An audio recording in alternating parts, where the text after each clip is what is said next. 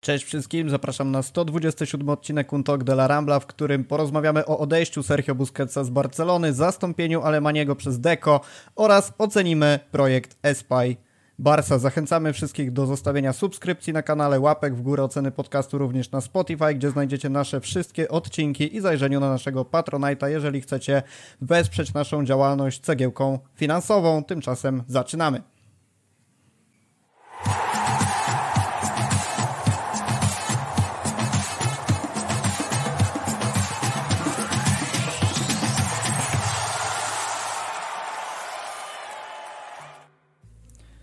Błażej Gwozdowski, siemanko. Cześć. Michał Gajdek, cześć.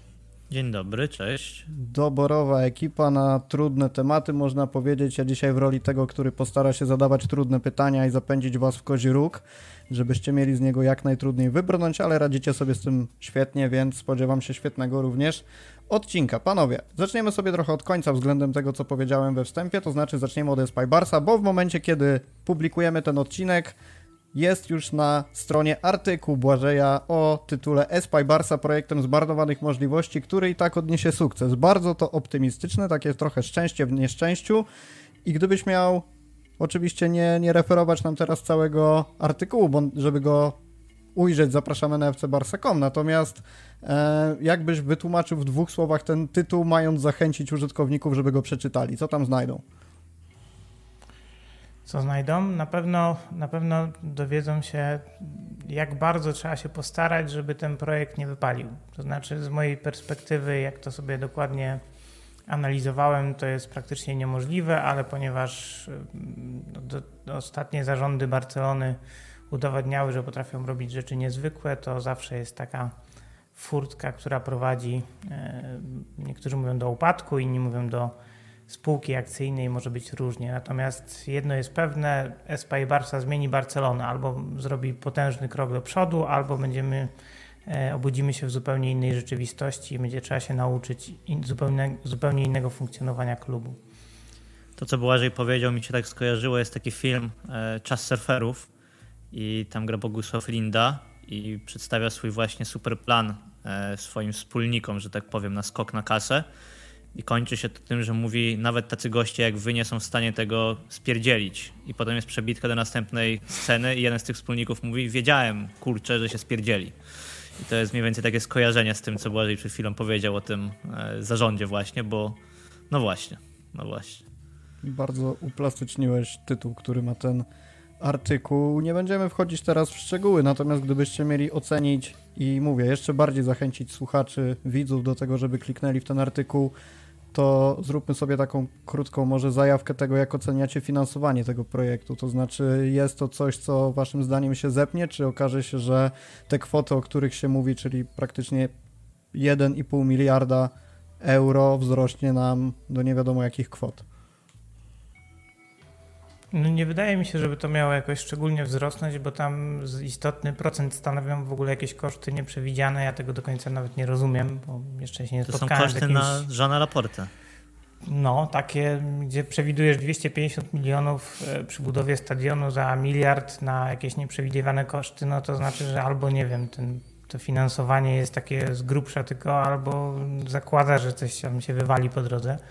Także no, Oczywiście takie 10-20% w jedną czy w drugą stronę to jest normalne w każdej inwestycji budowanej praktycznie i to zakładam, że to raczej się wydarzy i oni są na to przygotowani. Nawet jest już nawet uruchomiona taka procedura, że te 50 milionów w postaci obligacji sobie wypuszczą i, i gdyby była taka paląca potrzeba, to się te pieniądze znajdą. Można też ich szukać w budżecie, więc tu bym się tego nie obawiał. Bardziej mnie martwi to, że oni chcą ten miliard ponad spłacić w przeciągu 9 lat. To już jest ambitny plan. Nie? Ja mogę dodać trochę takiej perspektywy e, niekoniecznie finansowej, chociaż po części też, bo mm, w związku z przebudową stadionu Barcelona się teraz przenosi na najbliższy sezon na, na Montjuic.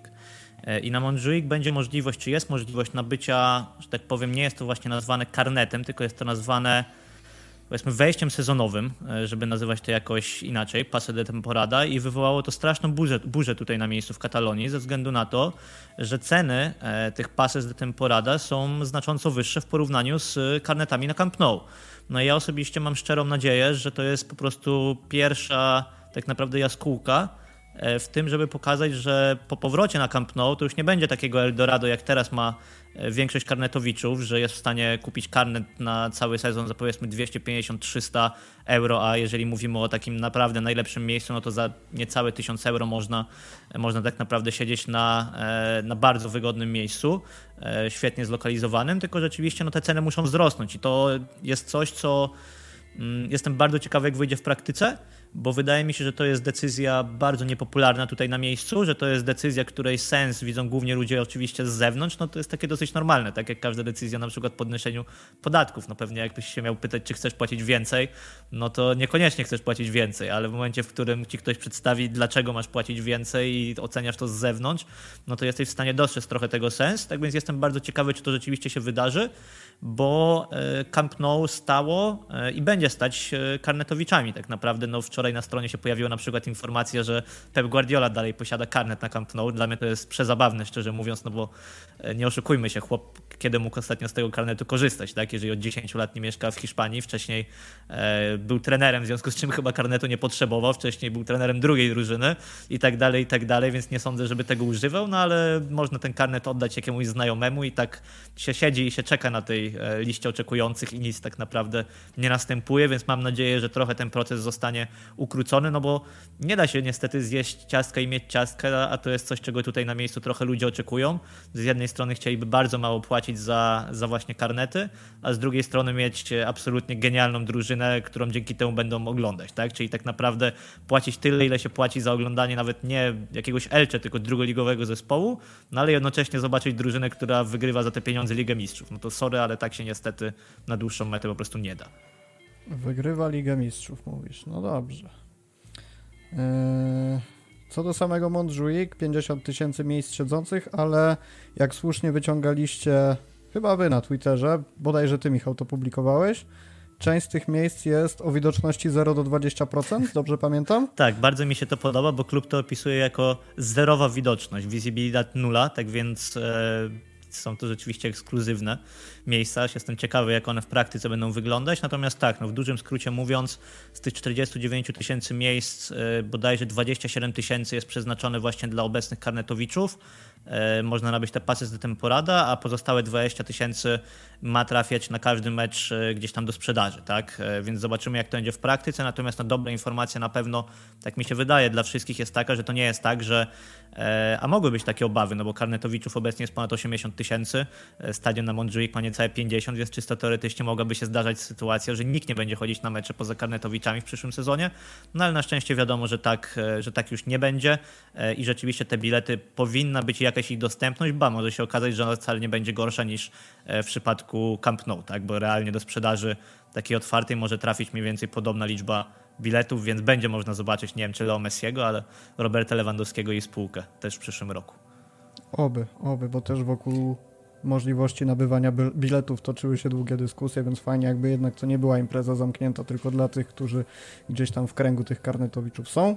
Widziałem Błażej, że chcesz coś jeszcze dodać. Tak, no bo z tymi karnetowiczami to jest w ogóle ciekawa sytuacja, bo jest szansa, że pierwszy raz chyba w historii takiej, którą ja śledzę, czyli co najmniej od 10 lat, e, Barcelona będzie miała większą średnią liczbę kibiców na Camp Nou niż ma karnetowiczów. Tak. Ja może tylko jeszcze powiem, bo tak sobie mówimy o tych karnetowiczach e, dosyć abstrakcyjnie. E, tak pokrótce tylko wyjaśnię proces, jeżeli on kogoś e, by interesował, jak się karnet na Camp Nou w ogóle zdobywa, bo zwłaszcza jeżeli ktoś jest przyzwyczajony do, nawet nie chcę powiedzieć, że do polskich realiów, ale wydaje mi się, że do jakichkolwiek realiów poza, poza FC Barceloną, to, to proces jest dosyć ciekawy. Mianowicie trzeba oczywiście być socio, żeby wystąpić o taki karnet, natomiast trzeba być socio z co najmniej dwuletnim stażem. E, trzeba się zapisać tutaj na miejscu osobiście w Barcelonie na listę oczekujących na, na karnet e, i potem przez 3 lata trzeba ten wpis odnawiać również na miejscu. Tak, tak więc no co najmniej trzeba się 4 razy znaleźć w tym czasie w Barcelonie, co ma oczywiście zapobiegać takim sytuacjom, że ktoś, nie wiem, babcię już nieżyjącą, że tak powiem, karnet poprosi, będąc gdzieś za granicą i tak dalej. No a potem się tak czeka, czeka i czeka. Ja niestety to jest jedno z moich, że tak powiem, większych bolączek, że ja tak późno się e, o ten karnet zacząłem starać, bo ja złożyłem wniosek dopiero w 2019 roku, czyli już po 10 latach, a nie po dwóch latach bycia socją, w związku z czym tak sobie czekam od 4 lat i, i końca nie widać, jak je zapisywałem, to pani mówiła e, w okienku, że ona tak myśli, że tak około 10 lat może mhm. się uda rzeczywiście, więc nawet pewnie jeszcze nie jestem w połowie drogi, chciałbym przed 40 ten karnet rzeczywiście na swoje nazwisko otrzymać, byłbym bardzo z tego zadowolony. No ale na pocieszenie Mamy można czuki. powiedzieć, że 2400 miejsc przewidują na, na nowym Spotify Camp Nou więcej dla karnetowiczów, więc może się kolejka trochę skróci. A wiadomo, ile ta kolejka wynosi tak liczbowo? Na ten Co moment? Musiałbym, cała? szczerze mówiąc, e, nie wiem ile wynosi cała kolejka, ale jestem w stanie podczas tego nagrania na pewno e, zobaczyć, który jestem na tej liście, bo w sumie nawet mnie to intryguje. To ty działaj, to a ja zapytam tak Błażeja o inną rzecz, powoli kończąc temat Espy. Termin powrotu na Camp Nou to 2024 rok, na 125. rocznicę powstania klubu. Jest to realne według Ciebie? No, jest realne, tylko pytanie, jaka będzie wtedy pojemność tego stadionu, bo jak sobie spojrzymy nawet na Santiago Bernabeu, gdzie, gdzie ten plan zakładał powrót y, też troszkę szybciej do pełnej pojemności, trwało to dłużej. Y, jest to realne, nie wiem tylko przy jakiej pojemności, tak bym to ujął, bo faktycznie te prace takie, takie dodatkowe, które trwają y, dużo dłużej, mogą się przeciągnąć. Zresztą zakończenie całej inwestycji to 2,26, kiedy ta pełna pojemność Camp Nou będzie. Więc takie 60-70% myślę, że tej pojemności stadionu może być już wtedy na jesieni e, dostępna. Chociaż ja mniej się martwię o te, tego typu kwestie, a bardziej się martwię o to, że się okaże z czasem, że tam że ten stadion nie wygląda do końca tak jak e, w tych wizualizacjach, bo one są, jak ktoś obserwuje, takie opracowanie architektoniczne pod y, promowanie jakiegoś projektu, to w przypadku Spotify Company są strasznie ubogie. Bardzo. Tak jakby ten projekt jeszcze nie był na takim etapie, żeby tam coś więcej pokazać. Nie? I to mnie osobiście martwi. Wydaje mi się, że też dlatego nie było finansowania Palau, bo oni kompletnie jeszcze nie wiedzą, jak to będzie wyglądać, ile to będzie kosztować. Strzelili sobie 400 milionów, a teraz kombinują, jak zrobić, żeby to było może nawet mniej. Także no tego się najbardziej a propos, obawiam. A propos tych projektów, to trochę brzmi jak, e, jak te projekty, które były pokazywane przed Mundialem w Katarze. Te stadiony miały być takie przepiękne, nie wiadomo jak modernistyczne. Okazało się, że wyglądało tak, jak wyglądało, więc mam nadzieję, że to nie ta sama historia będzie z Camp Nou. Jak tam, Michał, jaka kolejka? Który ja jesteś? mogę powiedzieć właśnie, że niestety się e, przeraziłem. Znaczy, chyba nie zaktualizowano mi e, pozycji w tym, w tym roku, może przez to, że no, nie ma co się przesuwać, bo będzie kolejny rok na Montjuic, ale to jest pozycja numer 9149, e, więc jeszcze troszeczkę niestety, niestety zostało. E, tak mi wychodziło mniej więcej z moich obserwacji, że około 1500 osób no, znika powiedzmy maksymalnie co, co roku z tej listy, jeżeli nie mniej dużo, e, więc, więc to nie jest takie proste niestety. E, natomiast odnośnie do tych wizualizacji, to bardzo śmiesznie to wygląda w muzeum na Camp Nou, bo tam jest taka stara jeszcze e, makieta, która ten stadion przedstawia i ta makieta jest po części zarwana. Jedna trybuna na tej makiecie się po prostu spadła na boisko i nikt z tym nic nie zrobił już od dłuższego czasu, więc nie wiem, czy to jest jakiś e, proroczy znak. E, no w każdym razie nikomu się tego nie chce poprawić, bo ona jest gdzieś w jakiejś tam gablocie i tak dalej, więc wygląda to już w ogóle kuriozalnie i te filmiki promocyjne, które tam lecą, no też tak wyglądają. Nie powiem, że ktoś się w pęcie robił, ale rzeczywiście widywałem lepsze e, wizualizacje niż, niż to, co się tam dzieje. No ale zobaczymy. Ja trzymam kciuki, e, oczywiście jak my wszyscy, natomiast bardzo ostrożnie, szczerze mówiąc, patrzę na ten termin przewidziany. E, szczerze mówiąc, chyba nie znam inwestycji o takiej skali, która by się choć trochę nie opóźniła. Tak mi się, tak mi się wydaje. E, nawet patrząc na stadion Realu Madryt, tak, no kto jak kto, ale Florentino Perez, mimo że tego stadionu nie buduje, no to na pewno się zna na tym, jak, ten, jak kontrolować postępy tej budowy i czy to nie idzie wolniej niż powinno. E, tam wiemy, że przecież jest już, jest już opóźnienie, jest też różnica z kosztem, jeżeli chodzi o ten planowany, więc e, no niestety nie widzę wielkich nadziei, żeby u nas miało być pod tym względem znacząco lepiej. No dobrze.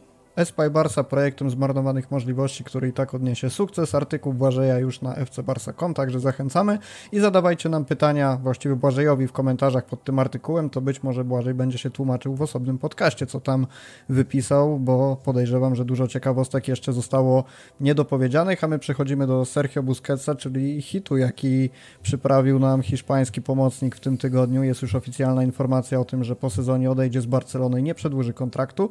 Spokój, praca i pokora Sergio Busquetsa może pozwolić mu stać się bardzo dobrym piłkarzem, powiedział kiedyś Alex Garcia, który był trenerem Busiego w 2005 do 2007 roku w drużynach jeszcze młodzieżowych. Można powiedzieć, że on prorocze słowa wypowiedział, bo 719 meczów Busiego w Barcelonie, łącznie 31 pucharów, kariera naprawdę niesamowita, do tego Mistrzostwo Świata i Mistrzostwo Europy z Hiszpanią, także piłkarz, którego będą, będziemy na pewno wspominać przez wiele, wiele, wiele lat.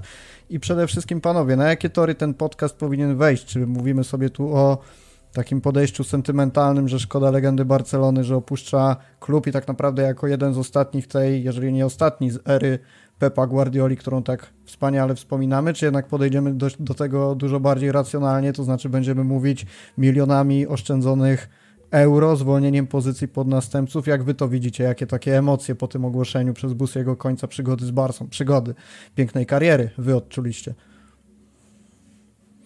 Mm, to może ja e, zacznę tym razem. Wiesz co, ja szczerze mówiąc patrzę na to inaczej. Mam trochę takie wrażenie, że z tymi z, oczywiście ogłoszeniami e, końca kariery przez, przez piłkarzy to jest trochę tak jakby, no, przepraszam za porównanie, ale jakby ktoś e, umierał, że tak powiem i to jest mniej więcej taki moment, w którym zaczynasz pisać teksty wspominkowe, raczej pamiętasz o tych dobrych rzeczach, siłą rzeczy sobie wiesz, no, no tak działamy po prostu, tak, tak działamy jako ja ludzie i to jest chyba jakiś łapię. naturalny naturalny proces i, i ciężko tego, tego nie robić. No dla mnie, szczerze mówiąc, oczywiście najlepszy okres mm, Busquetsa no był, gdy funkcjonował w tym trio, tak? Gdy funkcjonował w słynnym trio e, Xavi, Iniesta, Busquets właśnie.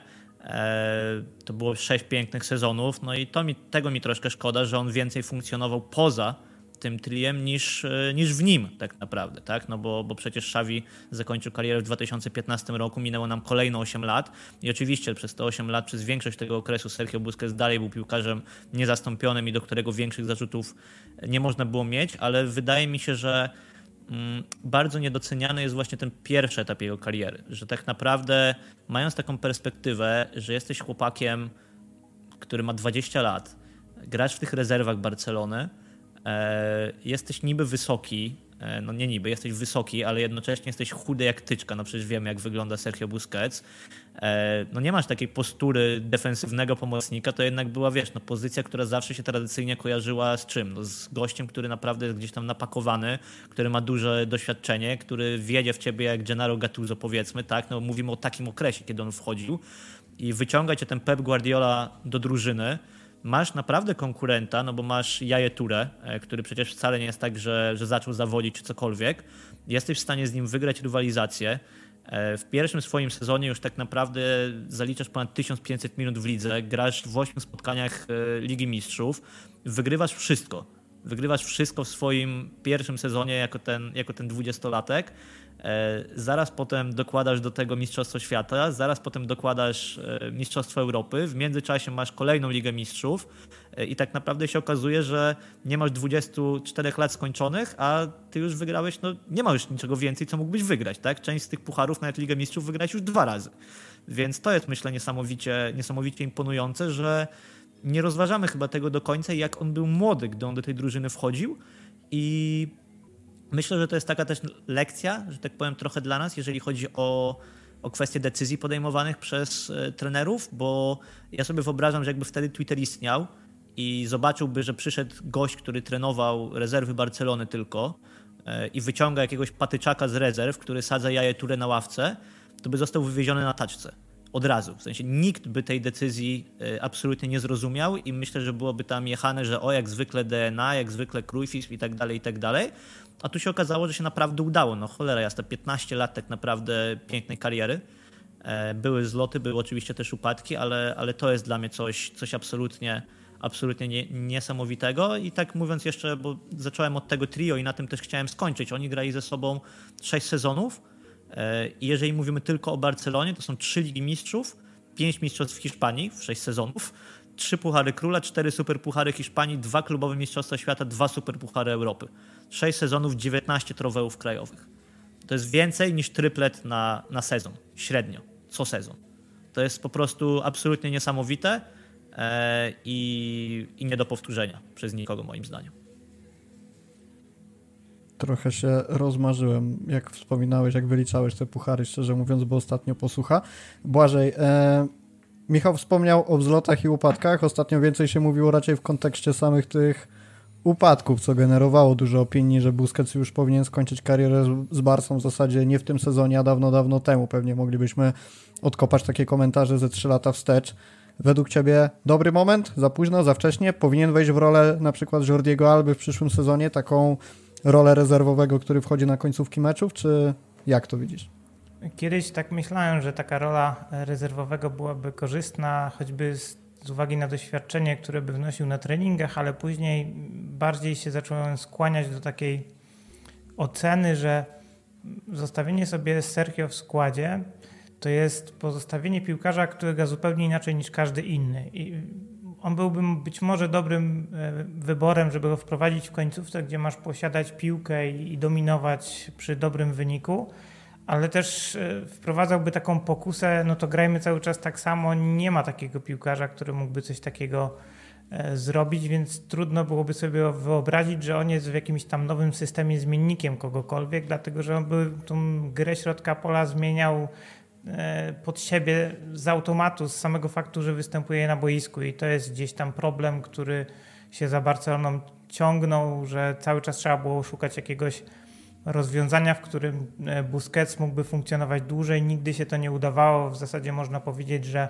po odejściu Rakiticia to jest pierwszy taki moment za Czawiego, gdzie faktycznie to zaczęło działać trochę lepiej i wydaje mi się, że nawet takie 2-3 sezony za późno kończy karierę dlatego że nie było po prostu warunków na to, żeby ten środek pola ułożyć e, i dać mu szansę jeszcze jakiś sukces z tym zespołem osiągnąć, bo to mistrzostwo w tym, w tym, w tym roku oczywiście jest idealnym takim podsumowaniem jego kariery, ale i mi się, tak jak Michałowi będzie kojarzył, raczej z bardziej spektakularnymi sukcesami.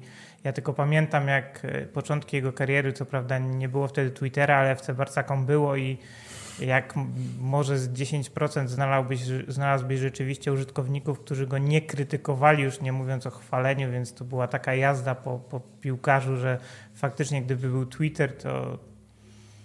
Ja do tego mogę tylko jeszcze dodać, że wyobrażam sobie, że Sergio Busquets nie zrobiłby kariery nie tyle w żadnym innym klubie, co u żadnego innego trenera, tak naprawdę. W no sensie no właśnie i, i, o to chciałem was zapytać, czy to nie jest trochę tak, że Sergio Busquets jest najlepszym pomnikiem dla Guardioli, tak myśląc w kontekście jego idei, pojmowania futbolu i tak dalej, że w zasadzie żaden inny trener nie byłby w stanie wyciągnąć tyle dobrego z Busquetsa, ile zrobił Guardiola.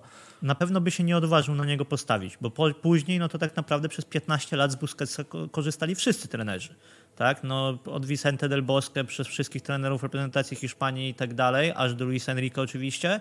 I tak samo było w Barcelonie, niezależnie od tego, czy to był świętej pamięci Tito Villanowa, czy to był Tata Martino, czy to był Ronald Koeman, czy to był chwilkę Kike Setien, czy to był Ernesto Valverde, który się w ogóle nie kojarzy z gościem, który by, e, że tak powiem, stawiał na Sergio Busquetsa, jakby był trenerem, nie wiem, Atletiku e, na przykład. No nie, nie wyobrażam sobie Busquetsa biegającego w Bilbao, e, ale to Pep go wyciągnął i myślę, że, że to była bardzo duża odwaga. Pep wyciągnął wtedy dwóch dwóch piłkarzy z rezerw, których wcześniej prowadził, czyli jego i Pedro.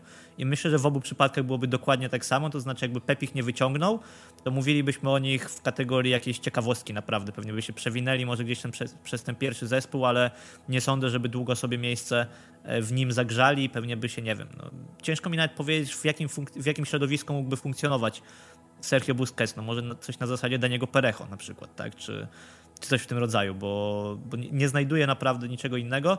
Sorry, że tak wracam do tego Guardioli w ogóle, no ale oczywiście przed chwilą był dwumecz, znaczy jest dwumecz Realu City.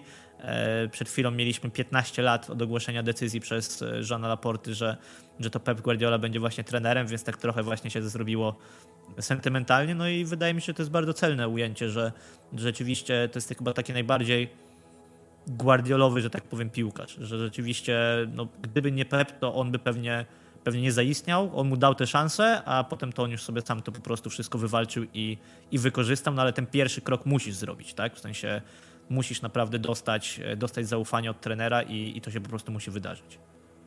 Wyrzućmy sobie w takim razie na chwilę te sentymenty na bok i porozmawiajmy o liczbach, bo zrobiła się taka dosyć duża dyskusja na Twitterze odnośnie do tego, jakie oszczędności zrobi Barcelona na tym, że Busquets kontraktu nie przedłuży i panowie, no stage is yours.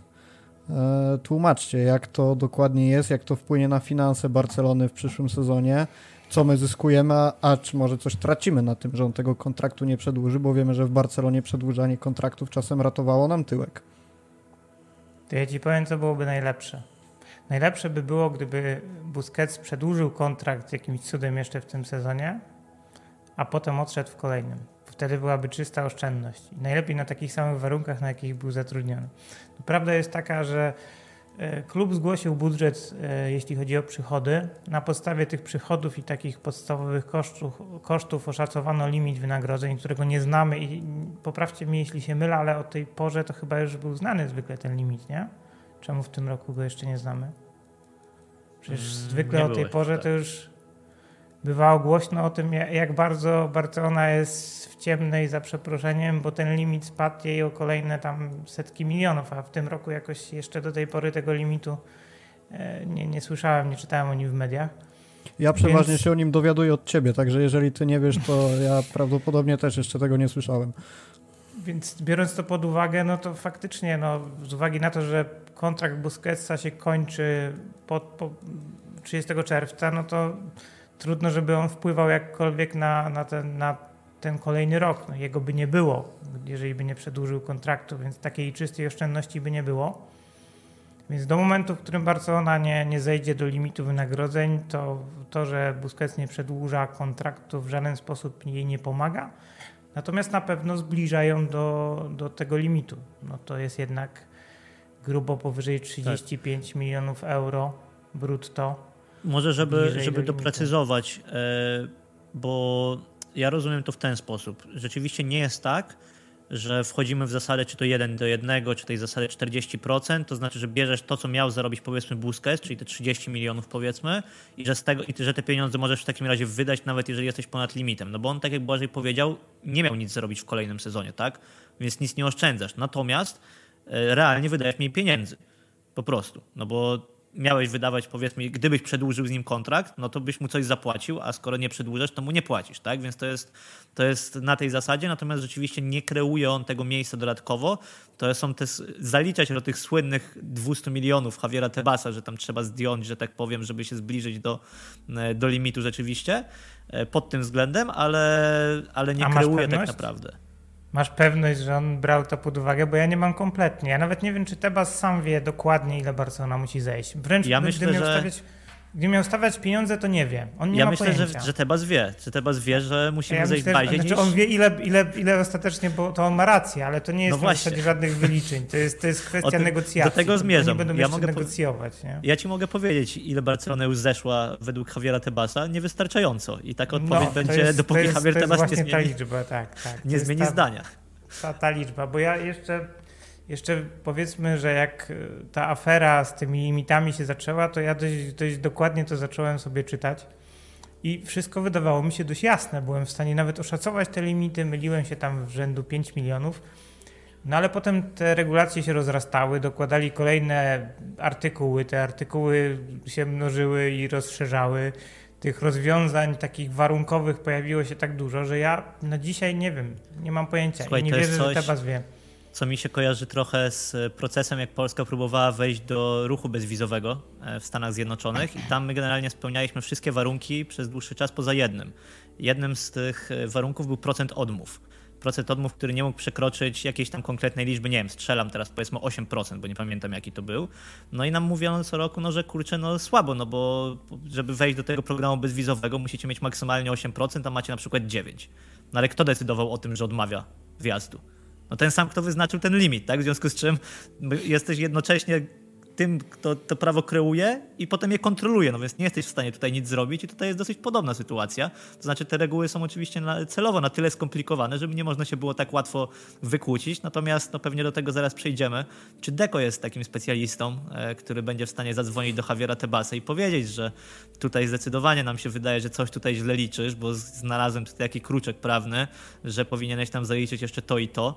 E, no bo tak naprawdę do tego się, się troszeczkę sprowadza. No widzieliśmy zeszłe okienko, znaczy nie zeszłe, no bo nie to e, zimowe, tylko poprzednie letnie okienko transferowe, gdzie przecież pamiętamy, że była różnica w interpretacji, tak? I, i konieczność uruchomienia tej powiedzmy czwartej dźwigni według nomenklatury, albo drugiej połowy drugiej dźwigni, czyli sprzedaż dodatkowych 24,5% Barca Studios. E, właśnie z tego względu, że Barcelona twierdziła, że już spełnia limit, a Javier Tebas na podstawie dokładnie tych samych regulacji twierdził, że dalej go nie spełnia. I niestety ewentualne postępowanie sporne tutaj, tak, żeby się przekonać, kto ma rację, no siłą rzeczy zajmie troszkę więcej niż, e, niż okienko transferowe, no więc nie możesz tak naprawdę dyskutować, tylko musisz, tylko musisz się ukorzyć, posypać głowę popiołem i zrobić to, co pan Tebas nakazuje, jakkolwiek ta wizja nie jest zbyt zachęcająca. Ale a propos jeszcze tego, co mówisz o sprzedaży Barca Studios, to jeżeli się zagłębisz w sprawozdanie finansowe Barcelony, to zauważysz, że nie ma tam tego przychodu w przychodach tych, które La Liga każe zestawiać i porównywać sobie te wszystkie warunki, które muszą być w finansowym fair play spełnione. Jest jako dochód, przychód finansowy zupełnie osobno ujęty i tego nie masz, więc osobiście nie wiem w jaki sposób to miało wtedy wpłynąć na e, spełnienie finansowego fair play, bo według mnie nie, nie miało prawa. Tak jak patrzę na sprawozdanie finansowe Barcelony, to nie powinno. Jakby nie ma go w przychodzie, e, który jest liczony do procentu wynagrodzeń, nie ma go w, e, e, w tym sprawdzeniu rentowności za sezon, po prostu tego przychodu nie ma, on nie istnieje. Jest tylko i wyłącznie jako przychód finansowy, czyli faktycznie w balansie jest wzięty pod uwagę, ale on nie pomaga w żadnej z regulacji, które narzuca La Liga według sprawozdania Barcelony oczywiście. No, być może, nie wiem, była jakaś szczególna później dodana interpretacja, ale bazując na samym sprawozdaniu finansowym Barcelony, to cała ta dyskusja to była chyba tylko po to, żeby było o czym rozmawiać w mediach, bo nie widać, żeby to jakkolwiek miało tam pomóc, nie?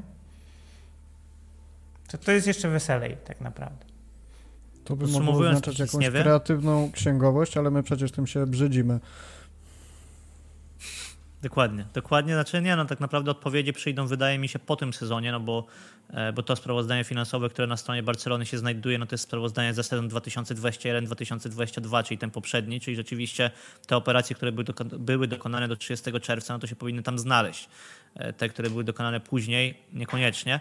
E, więc, więc zobaczymy, jak to rzeczywiście będzie wyglądać. Natomiast tak, myślę, że tutaj sporo rzeczy jest w dalszym ciągu niejasnych i, i przede wszystkim, tak jak Błażej powiedział, nie sądzę, żeby ktokolwiek już to wszystko kontrolował tak naprawdę. W sensie nie, nie wiem, czy istnieje ktokolwiek, nie mówię, że Javier Tebas, no bo też nie wymagam oczywiście, żeby nie było. Ja, mówiąc Javier Tebas, to mam na myśli po prostu La Ligę całą, tak? No bo też nie wymagam od prezesa, żeby e, się tym wszystkim zajmował i, i doglądał tego, tego wszystkiego, tylko ma od tego swoich ludzi. Natomiast nie jestem przekonany, e, czy ci ludzie też są przekonani, e, jak to wszystko w chwili obecnej funkcjonuje i, i działa. No zobaczymy, jak to w praktyce, w praktyce będzie wychodzić. Natomiast no, jeżeli chodzi o Busquetsa, no to tak, oszczędzamy pieniądze, nie, nie kreują nam finansowego fair play. No to tak naprawdę. Na pewno, na pewno pamiętacie taką asystę Busquetsa przy bramce Messiego, gdzie on mu wypuścił piłkę na metr i potem Messi strzelił bramkę. To było bodajże Widzę Mistrzów przeciwko Realowi. To ja mam wrażenie, że ten podcast tak wygląda. Ja wam wypuszczam coś jakimś prostym pytaniem i potem jest samograj.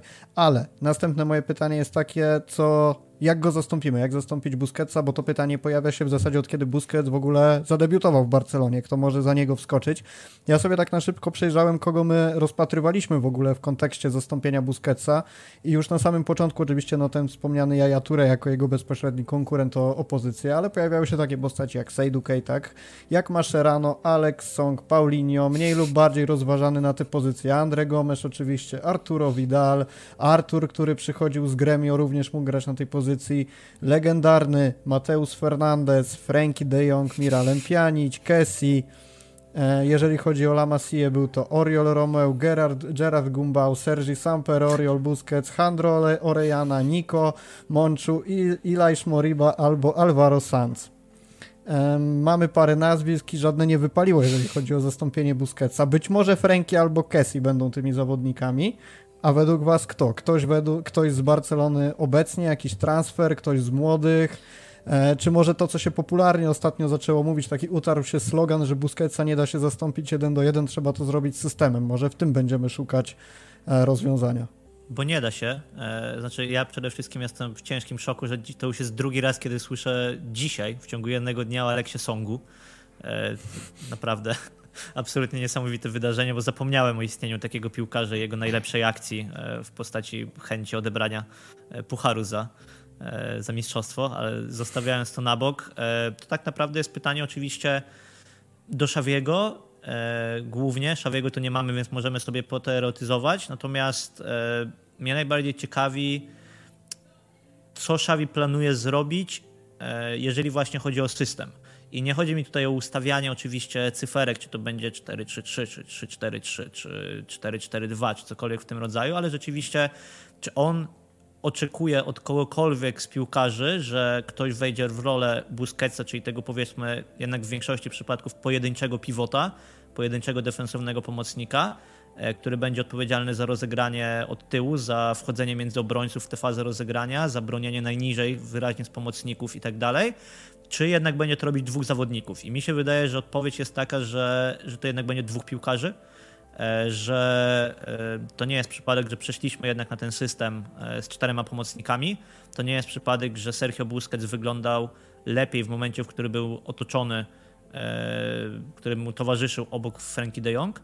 I wydaje mi się, że to będzie jakaś kontynuacja. Też bym się nie spodziewał takiego zawodnika, który rzeczywiście no, wejdzie w jego buty, tylko będzie to raczej kolektywna praca w, w przejęciu jego zadań w ogóle by mnie nie zdziwiło, gdyby oznaczało to na przykład e, zdjęcie jednego z obrońców e, i przejście na, na system z trójką z tyłu. To jest zresztą coś, co bym chciał w paru meczach zobaczyć. Być może bym chciał to nawet zobaczyć już po wygraniu ligi, e, teraz, żeby te kilka meczów rzeczywiście spróbować coś takiego. Jeżeli chodzi o kandydatów wewnątrz, to zastanawiam się, no bo Eric Garcia został spróbowany raz na pozycji defensywnego pomocnika z Elche i tyle. W sensie i, i kolejnego I to chyba nie przez już... całe spotkanie nawet, tak. jeżeli się nie mylę. I kolejnego razu już nie było, więc tak naprawdę mm, o to mam troszkę żal do Szawiego, że, że ja nie mam poczucia, żebyśmy my byli bardziej przygotowani e, na odejście Busquetsa niż byliśmy jeszcze jakiś czas temu. W sensie to było coś, co było wiadomo, że nastąpi, no ale nie wiem, czy zadzieje się na tyle sprawnie, no bo jak spojrzymy sobie na ten sezon, to mieliśmy do czynienia, o czym już chyba to jest w ogóle bardzo wymowne. Mało kto pamięta, że w tym e, sezonie przeszedł na emeryturę prawdopodobnie najlepszy środkowy obrońca w historii FC Barcelony. E, I tak naprawdę nikt za nim nie tęskni. W sensie pod względem piłkarskim absolutnie nie kojarzę, żeby ktoś powiedział od tego grudnia, że kurczę, ale by się w tym momencie przydał Piqué e, i fajnie jakby tutaj był i on by to podtrzymał, złapał chłopaków za mordy i tak dalej, i tak dalej. E, mamy do czynienia w tym sezonie z niespodziewaną, przedwczesną, przynajmniej w praktyce, emeryturą Jordiego Alby, który też nic nie wskazywało na to, że straci miejsce w składzie w tym sezonie, a jednak je stracił. No i mam nadzieję, że tutaj też się okaże jakieś, objawi jakieś e, cudowne rozwiązanie, no bo rok temu myślę, że gdybyśmy rozmawiali właśnie o tym, czy da się zastąpić Jordiego Alby i kto to może zrobić, to pewnie byśmy mówili o jakichś wielomilionowych transferach i tak dalej, a nagle się okazało, że Alejandro Balde pojechał na presezon, wystarczył mu jeden słaby występ Balde, e, Alby w meczu e, otwierającym ligę z Realem Valladolid i tak naprawdę nie oddał już miejsca w składzie. Znaczy, no tam powiedzmy w Lidze Mistrzów jeszcze Jordi coś tam grał i tak dalej. Grał też Marcos Alonso początkowo na tej pozycji, ale no Balde był bez wątpienia zawodnikiem pierwszego planu. Zastanawiam się, czy tutaj, o ile w przypadku Leo Messiego było to absurdalne założenie, że odblokują się powiedzmy E, inni zawodnicy i zyskają więcej miejsca i tak dalej, to zastanawiam się, czy w przypadku Sergio Busquetsa rzeczywiście tak nie będzie. No bo nie oczekujmy się, że największą wadą Sergio Busquetsa była ta powiedzmy jego, ładnie to ujmując, ograniczona mobilność. E, I mam nadzieję, że to trochę uwolni e, Pedriego, Gaviego, Frankiego de Jonga, czyli piłkarzy, którzy no po prostu siłą rzeczy musieli za niego więcej biegać. No jeżeli dojdzie do tego zawodnik, który, który też dołoży swoje pod względem takiego no czystego E, biegania, że tak powiem, e, to możemy na tym jeszcze zyskać.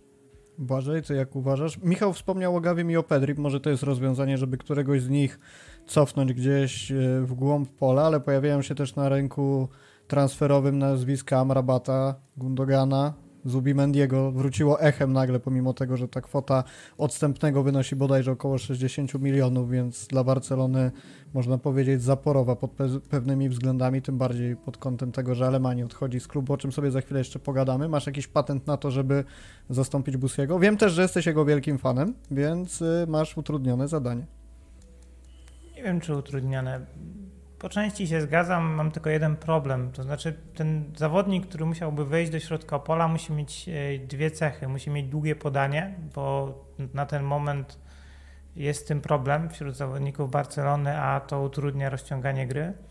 E, I musi mieć e, ten odbiór, którego nie ma Frankie de Jong i który raczej tego nie nabędzie. To, to się nie zmieni, więc jeżeli chcemy takiego zawodnika wstawić do środka pola, to pozostałe cechy, to czy on będzie rzeczywiście aż e, tak e, kreatywny jak na defensywnego pomocnika, jak e, Sergio Busquets, to już ma dla mnie mniejsze znaczenie. Może mieć zupełnie inne cechy, ale nie możemy sobie pozwolić na taką sytuację, że będziemy mieć w środku pola najniżej ustawionych dwóch piłkarzy, którzy nie potrafią z dużą skutecznością odbierać piłki, a Frankie de Jong, no musimy sobie to szczerze powiedzieć, on tego nie potrafi. On przerwie przechwytem akcję przeciwnika, ale nie jest piłkarzem, który dobrze odbiera piłkę. Nie? Więc tu jest jakiś kłopot, który ja widzę i stąd y, takie ciśnienie na Zubimendiego, który jest wręcz tym specjalistą. On jest zupełnie innym piłkarzem, ale pod kątem takich taktycznych odbiorów poprzez złapanie przeciwnika w takiej niekomfortowej sytuacji z piłką, czy też po prostu przez walkę jeden na jeden z dryblerem, no to on jest mistrzem. Więc jeżeli znajdzie Czawi y, takiego piłkarza na rynku, to myślę, że będzie na niego naciskał i tutaj jest trochę takich pomocników na rynku. Bożej, wytłumacz się, czemu jesteś fanem Rubena Nevesa, bo ostatnio mnie ta informacja przeraziła. Y, nie jestem fanem Rubena Nevesa, po prostu mnie zaskakuje to, dlaczego jego spotyka taka ogromna krytyka, bo to jest piłkarz, który jest naprawdę Bo jest dobry. Portugalczykiem. No. Możliwe. Ja uważam, że to jest dobry Plus piłkarz, tylko też no, kompletnie się nie nadaje do tego, żeby zastąpić Busquetsa, dlatego że on jest, jakby to powiedzieć, dobry na takie drużyny jak właśnie ta, w której gra, czyli jak trzeba, jak trzeba odebrać piłkę w Wolverhampton, to on sobie z tym radzi bo po prostu y, tam te odbiory polegają na czymś zupełnie innym. Ja sobie nie wyobrażam jego e, w Barcelonie. On owszem najwięcej odbiorów stosuje, notuje właśnie w tej e, trzeciej terci, czyli na połowie przeciwnika. Jest wysoko atakującym piłkarzem, który bardzo dużo biega, ale kiedy przychodzi do takiego bronienia taktycznego i jakiegoś szukania szukania przejęcia, posiadania, to jest piłkarzem, który jest po prostu no, nieskuteczny, więc y, zgadzam się z tym, że on Busquetsa nie zastąpi, ale gdyby mi ktoś powiedział, wymieniamy Kessiego na, na Rubena, to ja bym go wymienił, bo po prostu to jest lepszy piłkarz przy całej mojej sympatii do Franka, więc stąd po prostu tego nie rozumiem. Czemu, czemu taka krytyka jest na niego? A jeśli chodzi o, jeszcze raz o temat, y, kogo moglibyśmy za Busquetsa po prostu sprowadzić do drużyny, to ja bym też patrzył na przebiegnięte kilometry, stąd Brozowicz mi się podoba, mimo że jest zupełnie innym zawodnikiem, dlatego że to jest piłkarz, który bardzo, ale to bardzo dużo biega, ma dobre podanie, potrafi odebrać piłkę, jest inteligentnym piłkarzem i na jakiś czas by nam rozwiązał ten problem. E, a jeśli nie, to pozostaje temat pozostawienia po prostu Frankiego de Jonga na tej pozycji i zmiany trochę e, całego ustawienia Barcelony na penetrowanie przez pomocników takich jak Pedri i Gavi te, tego środka pola bardziej swobodnie i rozgrywania piłki od tyłu, tylko wtedy znów się pojawia potrzeba posiadania choćby takiego Bernardo Silva z przodu, bo, bo tracisz Pedriego z przodu, to, to niestety, ale to jest bardzo widoczne. Nie? I to nie chodzi o to, że Pedri gra z tyłu gorzej. Po prostu Barcelona nie ma zawodnika, który ustawiony odrobinę wyżej robi tą robotę, którą robi Pedri. Leo Messi. No może tak być, ale wtedy sobie odejmujesz dobre 6 km przebiegniętych i musisz ja śmieję się to oczywiście. nadrobić, nie? Ja natomiast, jeżeli chodzi o Brozowicza, to przyznam się tylko szczerze, że o ile Miałem cię wywołać, bo chyba wiem, co chcesz powiedzieć. Tak, który mi się podoba, to absolutnie nie rozumiem plotek o nim, no bo Marcelo Brozowiczowi wygasał kontrakt w zeszłym roku z Interem. I wygasał też kontrakt Frankowi Kessiemu z Milanem. I Brozowicz, ja sobie to sprawdziłem, podpisał ten kontrakt chyba w marcu, czyli w sytuacji, w której my już wiedzieliśmy wszyscy nieoficjalnie, że Barcelona bierze Christensena i Cassiego. W związku z tym jest to dla mnie tak abstrakcyjne, no bo Barcelona, jeżeli chciała wziąć Brozowica, nie Kessiego, to po prostu mogła wziąć Brozowicza, nie Kessiego. Koniec tematu.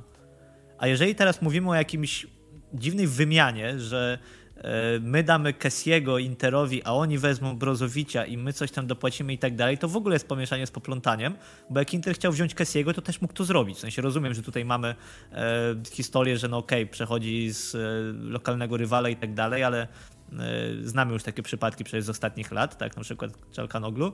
Natomiast jeżeli chodzi o to, to, to jest to dla mnie totalnie niezrozumiałe. W sensie, jeżeli wolisz Brozowicza od Kessiego, to nie rozumiem, czemu nie mogłeś się na to zdecydować wcześniej. To nie jest tak, że w tym ostatnim roku się okazało nagle, że Frank jest zupełnie innym piłkarzem i Brozowicz też jest zupełnie innym piłkarzem. Nie, po prostu trzeba było to zrobić, tak? I, i ja siłą rzeczy przyznam się szczerze, że jak patrzę na e, możliwości Barcelony działania w e, kolejnym okienku transferowym, to ja się jednak skupiam, niezależnie od tego, co mówią media, e, na piłkarzach bez kontraktu, e, na piłkarzach bezostępnego, bo no tak naprawdę jak sobie spojrzymy, Jean Laporta przejął Barcelonę w wiosną 2021 roku. Pierwsze okienko transferowe to było okienko bez jakichkolwiek inwestycji. E, był Memphis za darmo, był Elik za darmo i tak dalej. Potem przyszło okienko zimowe, które ok, było wydatkowane środki na Ferrana Torresa, ale oprócz tego to też były rozwiązania za darmo i krótkoterminowe, tak? No był e, Adama, był Dani Alves, był e, Obama Young. Dopiero to ostatnie okienko letnie to już było wiadomo, odkręcamy kurek i rzeczywiście kupujemy tych piłkarzy, paru, pa, trochę tych pieniędzyśmy wydali, chociaż też nie aż tyle chyba ilu się, ile się ludziom wydaje, tak? No bo ten bilans transferowy ostatecznie to był chyba ze 120 milionów na e, wydanych netto. I ostatnie okienko transferowe zimowe, przed którym było też bardzo dużo plotek. I ostatecznie nie sprowadziliśmy nikogo już nawet za darmo. I ja szczerze mówiąc bardziej bym się spodziewał tego, że mm, tutaj limitem, o ile nie zdarzy się coś, co, w co ja do tej pory nie wierzę za specjalnie, czyli właśnie tak jak Błażej mówił, odejście zawodnika, który ma ważny kontrakt i dla którego ten kontrakt jest, e, którego ten kontrakt jest wysoki, na przykład Jordi Alba, albo jakaś głośna sprzedaż, na zasadzie Ansu Fati, Rafinha, to nie za specjalnie chcę wierzyć, że my będziemy wydawać e, pieniądze na transfery gotówkowe. I dla mnie takim naturalnym kandydatem jest oczywiście Ilkay Gundogan. I nie jest tak, że ja mam e, jakieś takie przeświadczenie, że on będzie grać tak jak grał Pepa na tym poziomie, bo wiemy doskonale, że jak ktoś odchodzi od, od Guardioli, to niekoniecznie musi się tak samo prezentować w swoim kolejnym próbie. Widzieliśmy tego aż na w ostatnim czasie, że Pep po prostu sprawia, że piłkarze są lepsi e, w całym systemie. Natomiast jak sobie właśnie porównamy kwestie samych finansów, no bo bardzo głośno jest o nazwisku na przykład Amrabata i mówi się o 30 milionach e, dla Fiorentina, no to nawet jakby Amrabat grał za darmo, to w dalszym ciągu trzeba wydać na niego 30 milionów na dzień dobry za odstępne. W przypadku Kaja Gundogana mówi się o tym, że on chciałby zarabiać 10 milionów euro netto rocznie. E, Barcelona e, jest mu podobno gotowa zapłacić 9 milionów, natomiast wolałaby to zrobić, rozłożyć na 3 lata, tak? Czyli on dostanie zamiast dwuletniego kontraktu 2 razy 9 18, to trzyletni kontrakt 3 razy 6 też 18. No i w takim przypadku e, to jest zawodnik tak naprawdę zdecydowanie tańszy od takiego Amrabata i uważam, że to jest opcja, z której e, powinniśmy skorzystać, jeżeli tylko on się na to oczywiście zgodzi. A gdybyśmy zajrzeli sobie na zaplecze pierwszej drużyny, to Piotrek Guziński napisał artykuł z jego propozycjami, to znaczy Pau Prim, rocznik 2006 z Juvenilu B, Mark Casado, rocznik 2003, Barca Athletic i trzecia propozycja, czyli Mark Bernal, rocznik 2007 z Kadet A. Zachęcamy, zachęcamy. Jeżeli się nie mylę, to Lamina Jamal jest 2007 No właśnie rocznik. chciałem powiedzieć, że co to jest za rocznik, przecież oni chodzą do podstawówki, a nie grają w piłkę, ale sobie przypomniałem, że to jest rocznik e, Lamin Jamala, więc No właśnie. tak. A on już prawie z bramką i, i asystą w pierwszej drużynie w ciągu swoich pierwszych 15 minut, więc e, brzmi to naprawdę zachęcająco. No warto przypomnieć o takim piłkarzu jeszcze jak Nico Gonzalez, który szczerze mówiąc, ilekroć ja oglądałem Walencję w tym sezonie, to nie byłem zachwycony jego występami i też jak się spojrzy na liczby, to, to one nie są jakoś zachwycające. On chyba, pomijając już kontuzję, zagrał w jednej trzeciej minut, jeżeli chodzi o Walencję, natomiast on bardzo podobno chce wrócić. E, to jest tylko wypożyczenie, więc albo go z klubu wypchniemy, albo on rzeczywiście zostanie e, w tej lub innej roli. E, no i zobaczymy, jak to będzie wyglądać. Też e, Darek Maruszczak pisał jakiś czas temu tekst, który ostatnio odświeżaliśmy, właśnie kto może Busquetsa zastąpić, jeżeli chodzi o, o takie podejście czysto statystyczne, patrząc na to, e, w czym jest dobry Sergio Busquets i kto jest do niego zbliżony profilem. I tam wychodziło, że jeżeli chodzi o Niko, to wcale wbrew pozorom nie musi to wyglądać e, aż tak źle. Tak więc zobaczymy, czy to wcale, czy, to, czy nie skończy się na takiej niskobudżetowej opcji. Natomiast no ja myślę, że, że jakieś wzmocnienie środka pola, jeżeli w ogóle nie dwa, się w to okienko transferowe wydarzą. Co do Niko, to ile razy ja oglądałem Walencję, to cytując klasyk, miałem wrażenie, że jest tam parę niedociągnięć, ale zobaczymy. Panowie, Mateu Alemani e, odszedł przed Busquetsem, pojawiła się oficjalna informacja. Już zostawmy na boku moment ogłoszenia tej informacji, bo to jest dla mnie absurdalne.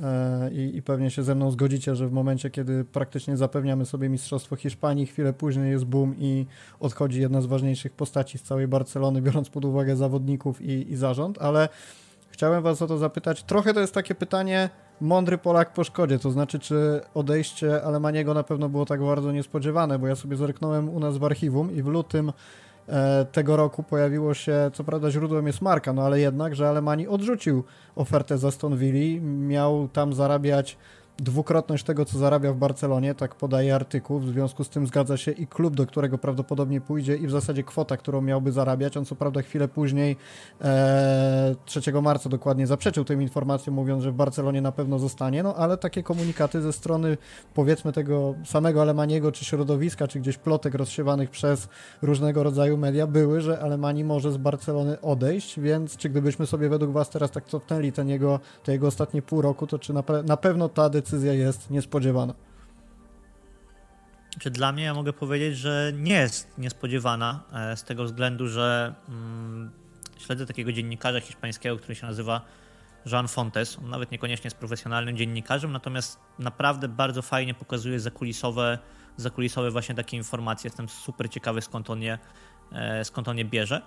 E, I on pisał o różnicach w poglądach, powiedzmy, na, na to, w jakim kierunku powinna pójść FC Barcelona pomiędzy Alemanim, a z jednej strony Xavim, a z drugiej strony Jeanem Laportą, Rafą Juste i, i, i tym, e, powiedzmy, kopułą Barcelony, tym, co jest nad Alemanim, już rok temu. E, w lutym, ale zeszłego roku. I już wtedy pojawiały się takie informacje, no, że gdyby to ad Alemaniego zależało, no to niekoniecznie podejmowane by były te decyzje, które, e, które zostały ostatecznie podjęte. I to nie jest tak, że, że zawsze Mateo Alemani miał rację, e, możemy tak powiedzieć po fakcie, a, a jego oponenci się mylili. Mm, każdy może sobie ocenić oczywiście samemu, natomiast to, że to nie są plotki, to myślę najlepiej świadczy o tym sytuacja z Usmanem Dembele. Tak? No, pamiętamy ten bardzo mocny wywiad Alemaniego E, w zeszłym roku w styczniu, gdy, gdy Alemani powiedział, no, że Usman Dembele, jeżeli nie przedłuża kontraktu, to Barcelona nie chce stawiać na zawodników, którzy kontraktu nie przedłużają i, i woli inwestować w tych piłkarzy, którzy rzeczywiście wiążą z klubem swoją przyszłość i że Usman Dembele po prostu nie zagra. E, już w barwach FC Barcelony. Nie, myląc, nie mylić oczywiście z odsunięciem od drużyny, bo tego nie można zrobić, bo to jest mobbing e, i to jest bardzo nieładna praktyka, no ale nie musisz wstawiać rzeczywiście do pierwszego składu, zwłaszcza zawodnika, o którym wiesz, że za kilka miesięcy go w klubie nie będzie. Xavi ostatecznie postawił na swoim, Usman Dembele do składu szybko wrócił, e, no i tak naprawdę z gwizdów na Camp Nou przywitały go ostatnio super brawa, tak, gdy wracał po, po kontuzji. Tak więc tutaj szybko rzeczywiście się wszystko odmieniło.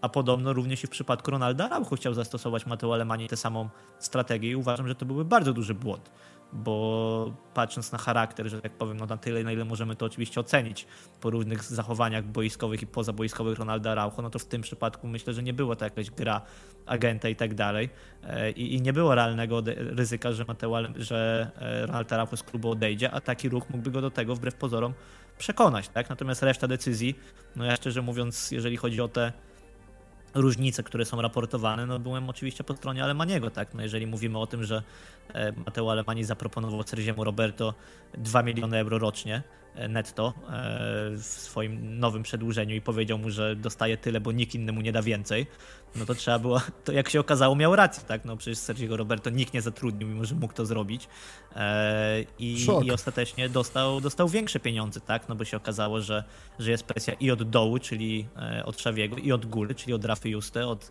wiceprezesa do spraw sportowych i wydaje mi się, że te różnice właśnie to jest główny, główny powód odejścia Mateo Alemaniego, bo mówisz o pieniądzach i jasne, to pieniądze są, są ważne, ale i to jest, uwaga, szokująca, mam nadzieję, że to jest tak szokująca informacja dla, dla słuchaczy, dla widzów, jak była dla mnie. Mateo Alemani ma już swoje lata, skończył w tym roku 60 lat, to jest moment ciszy, bo ja naprawdę w to nie wierzyłem.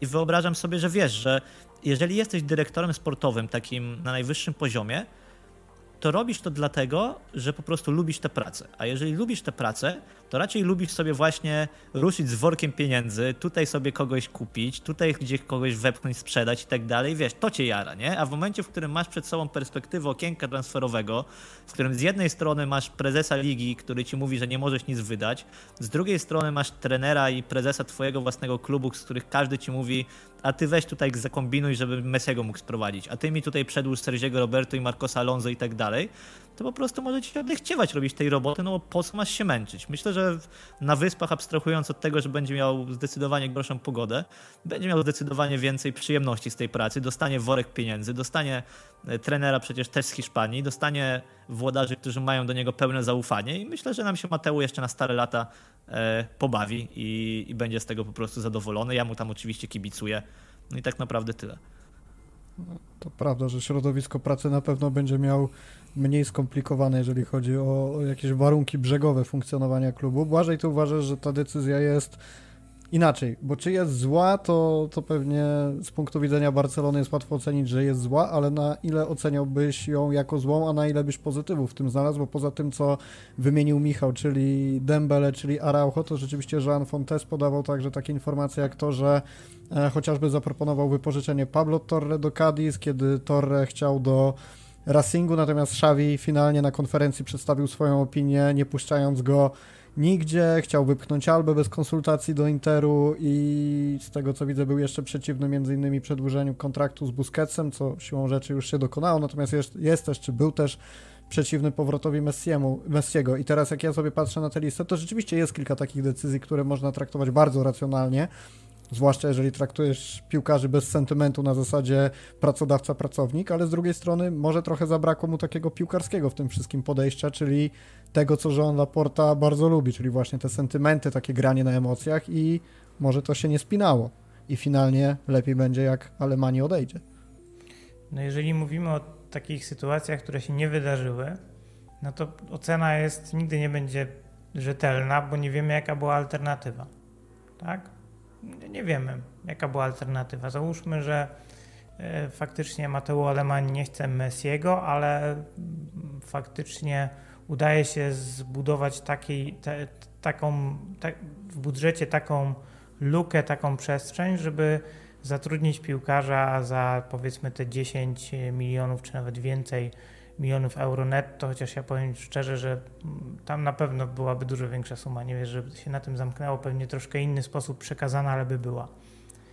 My nie wiemy, jaka jest alternatywa, więc teraz łatwo jest nam oceniać, e, bo chcemy Messiego z powrotem w większości i nam się to nie podoba. A Mateusz Doniec ja bym, nie lubi tego.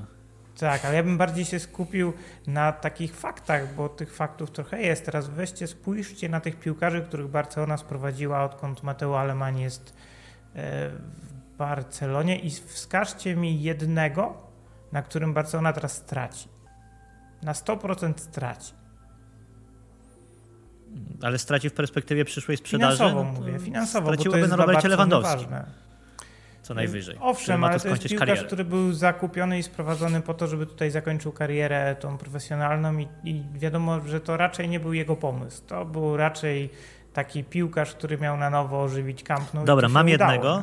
Mam jednego i, no. i jeszcze tylko mogę powiedzieć, że się z tobą rzeczywiście zgadzam, że patrząc na piłkarzy, których sprowadził Mateo Alemani, to trzeba by było się zastanowić, którzy tak naprawdę byli jego pomysłem. Bo to, że Robert Lewandowski był pomysłem wyżej, no to chyba wszyscy wiedzą. To, że Rafinha był głównie pomysłem dlatego, że, e, że jego agentem jest ten, kto jest, czyli nasz przyszły dyrektor sportowy, to chyba też wszyscy wiedzą, tak? E, wiemy, że na Julesa Kunde naciskał z kolei Xavi i tak dalej. O Christensenie też powiedział Xavi, że to jego pomysł i tak dalej, i tak dalej, i tak dalej. Ale jest piłkarz, który, e, którego jako pierwszy tak, to, to, są pierwsze pieniądze wydane przez Mateo Alemaniego i pieniądze wydane w sposób kontrowersyjny, patrząc e, tak naprawdę wstecz, czyli Ferran Torres.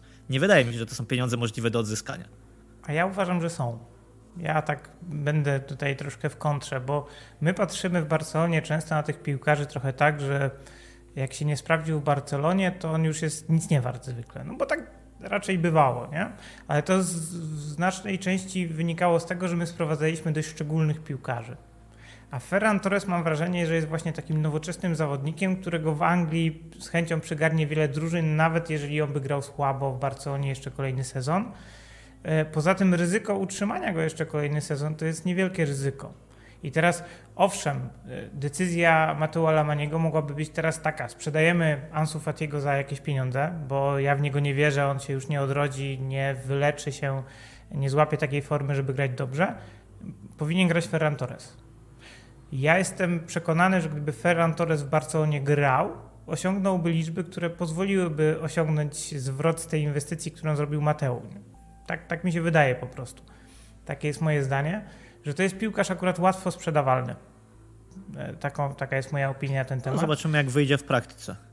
No jeżeli się zdecydujemy jakieś... sprzedawać go teraz, może być różnie i teraz pytanie też, czy, czy się faktycznie zdecydujemy, bo, bo to jest in, inny temat, ale choćby Rafinia, który tak jak mówisz faktycznie był zakupem, e, mógł być zakupem agenta, e, ale to też do końca nie wiemy, więc e, oceniajmy wszystkie transfery. Tak jak mówisz, Robert Lewandowski to jest piłkarz, na którym stracimy, ale czy my stracimy całościowo, to trudno powiedzieć, bo bo tak jak widzisz na Camp Nou mamy 83 tysiące średnio i to jest dużo powyżej e, średniej frekwencji, a mieliśmy wcześniej Messiego i nigdy do 80 tysięcy się nie zbliżyliśmy.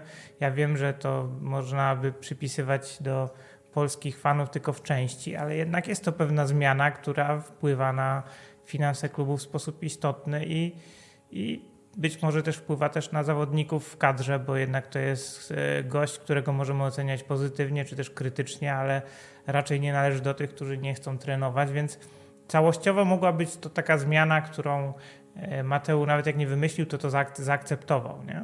Tak mi się Ja bym chciał, chciał tutaj zwrócić uwagę nawet bardziej, jeżeli podsumowujemy pracę Mateu, no to oczywiście, że bardziej interesujące i bardziej sesji jest mówienie o transferach przychodzących i to ile na kogo wydał i tak dalej. Natomiast lista zawodników, e, których on się pozbył w zeszłym, w zeszłym sezonie, się mi nie mieści na ekranie, jak na nią patrzę. E, na Transfermarkcie, muszę aż przewijać, tak? Natomiast może tylko powiem, żeby sobie uświadomić, ile on tak naprawdę pracy zrobił w to letnie okienko transferowe jednocześnie cały czas negocjując te transfery przychodzące. No to jest Filipe Coutinho do Aston Villa, no to, to jest absolutny majstersztyk, że on tam się z nim znowu spotka i znowu będzie musiał go z klubu wygonić. Pierre-Emerick Aubameyang, czyli absolutne no, księgowe mistrzostwo świata, sprowadzasz gościa za darmo, za pół roku go oddajesz za 12 milionów i Marcosa Alonso, przecież lepiej by było go oddać po prostu za 12 milionów, e, podejrzewam dla wszystkich. E, Francisco Trincao do Sportingu, e, opłata za wypożyczenie 3 miliony euro i obowiązkowy wykup bodajże za 7 milionów przez Sporting, więc tutaj nie mamy już problemu. Samuel Umtiti, znalezienie wypożyczenia Samuelowi Umtitiemu, za które nam ktoś cokolwiek zapłaci, a tak jest w przypadku Lecze, to też jest po prostu majstersztyk naprawdę dyrektorki sportowej. E, namówienie zawodników, żeby nie mieli tego barcelońskiego syndromu siedzenia tutaj, mimo że nikt ich nie chce, bo mają ważne kontrakty, udało mu się praktycznie z każdym. Prędzej czy później, tak? Neto do Bournemouth, Miralem Pjanic do Szariach, Martin Braithwaite, kolejny fenomen. Chłop ci otwarcie mówi, że on się nie rusza z Barcelony, więc co robisz? Znajdujesz mu klub, no nie w Barcelonie, ale zaraz koło Barcelony. Mistrzostwo świata. Może dalej mieszkać tam, gdzie mieszkał i, i tak naprawdę nigdzie się przenosić nie musi ze swoją rodziną. Ricky Pucz, którego wysyłasz na drugi kontynent, to, że ktoś go na to namówił, to jest naprawdę, że Ricky Puć będzie na tyle odważny, że pojedzie do Stanów, nie spodziewałbym się tego. Oscar Mingeza do Celty. No i jeszcze mamy piłkarzy wypożyczonych, tak? Nico Gonzalez do Walencji. Powiedzieliśmy sobie, może średnie wypożyczenie rzeczywiście, ale ciężko było oczekiwać. E, znaczy, wydawało się całkiem logiczną opcją. Alex Collado do Elche, Serginho Dez do Milanu, Abde do Osasuny, świetne wypożyczenie, Clement Longle do Tottenhamu to jest naprawdę ogrom wykonanej pracy i wyczyszczenie kadry nie w sposób permanentny, bo część z tych piłkarzy, tak jak mówię, wraca w lato najbliższe, ale praktycznie z całego, no tak się mówi, trochę szrotu, e, nie chcę takich brzydkich słowów używać, ale trochę tak to wyglądało. Może nie na stałe wypożyczenia, ale dające perspektywę takiego stałego oddelegowania ich, bo już się przecież mówi dużo o Team i o Longlerze nie wrócą do Barcelony na zbyt długo, więc patrząc na to w tej alternatywnej rzeczywistości, gdyby zostali w Barcelonie, to pewnie by się tak jakościowo nie odbili. Panowie, zmierzając jeszcze powoli e, do końca, muszę was zapytać o to, jak wygląda na tle tego wszystkiego właśnie Jean Laporta, bo kiedy podchodził do wyborów, to bardzo dużo mówiliśmy o tym, że jego główną zaletą jest to, że potrafi otaczać się dobrymi ludźmi, że może nie jest człowiekiem, który sam dużo załatwi tak pod względem technokratycznym, ale tego, czego sam gdzieś tam na imprezie nie dogada, to będzie miał od tego sztab ludzi. I teraz tak, Ferran Reverter już go nie ma. E, Jaume Jopis też już go nie ma. Jaume Giro nie ma go. Mateo Alemani też go nie ma. Mamy za to masę postaci powiązanych jakkolwiek z Laportą, czy to jest rodzina, czy to są jacyś jego znajomi polityczni, czy syn brata, córki, kogoś tam. Wszyscy zaczynają ob obsadzać, wszystkimi zaczyna Laporta obsadzać stanowiska w Barcelonie. I czy, no właśnie, pytanie, czy Laporta nie traci swojego głównego argumentu jako prezydent Barsy i, i tego, że potrafił mieć dobry sztab pełen profesjonalistów i to również łączy się z pytaniem o to, jak potencjalnie Deko miałby się sprawdzić w roli tego Alemaniego 2-0. Jeżeli zostanie Jordi, Cruyff, no to powiedzmy, że ten Deko będzie miał tą rolę troszkę inną. Nie wiem tylko, kto będzie wtedy te transfery faktycznie finalizował, bo to trzeba umieć robić. To nie jest tak, że, że to jest praca lekka i przyjemna, wręcz przeciwnie. I tu się tego obawiam, że to doświadczenie jest potrzebne, żeby te wszystkie transakcje finalizować, ale nie do końca się zgadzam z tym, że taka opinia o Laporcie była, że on tak się takimi fachowcami otacza, bo ja wręcz przeciwnie, odczytałem to jako jakąś przemianę.